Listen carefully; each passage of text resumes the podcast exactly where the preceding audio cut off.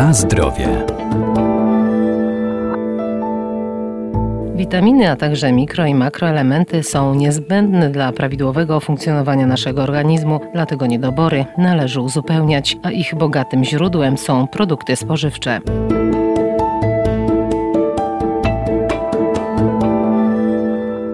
Witaminy C szukajmy w owocach i warzywach, witaminy A m.in. w maśle czy w serach. Jej niedobór może niekorzystnie wpłynąć na wzrok, wygląd skóry czy ogólną odporność organizmu, zaś witaminy z grupy B znajdują się w produktach zbożowych, roślinach strączkowych czy orzechach, a źródłem żelaza będą mięso, buraki czy natka pietruszki, zaś potasu pomidory. Tutaj jeśli chodzi o witaminy, to tak naprawdę bogactwo różnego rodzaju warzyw i owoców. Taka bardzo zróżnicowana e, dieta z pewnością pomoże pomoże nam w tym, żeby nie szukać różnego rodzaju suplementów diety, bo teraz jest e, na to z pewnością moda. Dietetyk Maciej Pokarowski, Uniwersytet Medyczny w Lublinie. Jeśli mielibyśmy zacząć tak naprawdę od jednych z najważniejszych witamin, no to zwrócimy tutaj uwagi na bardzo silne przeciwutleniacze, czyli witaminę A czy witaminę C. No i na dobrą sprawę, jeśli chodzi o witaminę C, to tutaj myślę, że nie jest to jakieś specjalne zaskoczenie, bo znajdziemy witaminę C m.in. w owocach e, cytrusowych. Dodatkowo będą to no, takie takie owoce jak na przykład maliny, aronia, porzeczka. Jeśli chodzi o warzywa, no to przykładowo natka pietruszki czy brokuły i brukselka to będą produkty bardzo bogate w witaminę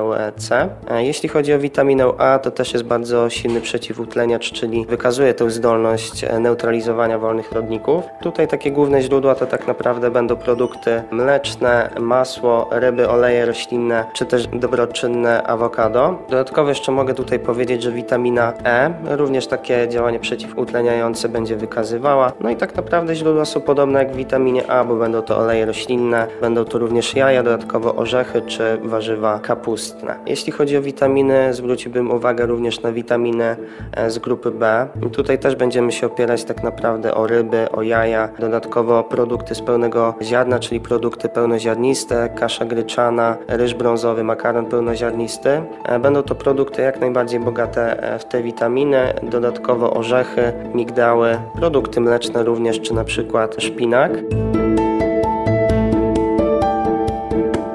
Na zdrowie.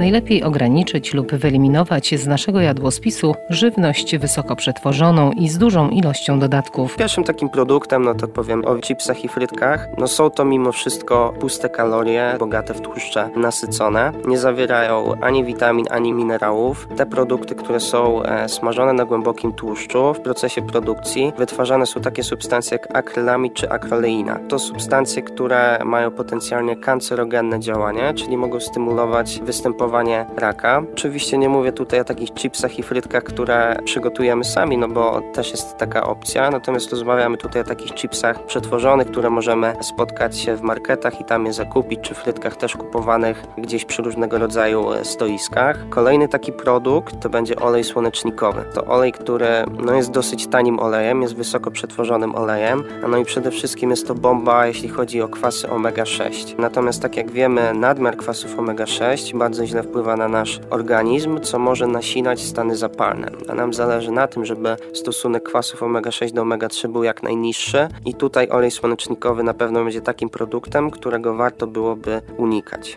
Margaryna oczywiście zawiera ona sterole i stanole, które wpływają na obniżenie poziomu cholesterolu, rzeczywiście wykazują takie działanie. Natomiast co najważniejsze, zawierają one izomery trans. Izomery trans, które mogą przede wszystkim stymulować występowanie miażdżycy i i, nie powinien być spożywany na co dzień w zbyt dużych ilościach. Kolejny taki produkt to będą to wędliny. Wędliny są produktem wysoko e, przetworzonym, nie powinniśmy absolutnie przesadzać e, z konsumpcją wędlin w ciągu dnia. Przede wszystkim dlatego, że zawierają one pochodne kwasu azotowego, czyli azotany i azotyny. Są to substancje konserwujące, dodatkowo zawierają również nitrozaminy. No i tak jak mamy teraz doniesienia, wędlina wysoko przetworzona, wysoko przetworzone mięso również będzie stymulowało występowanie, no niestety, raka, czyli to potencjalne działanie kancerogenne.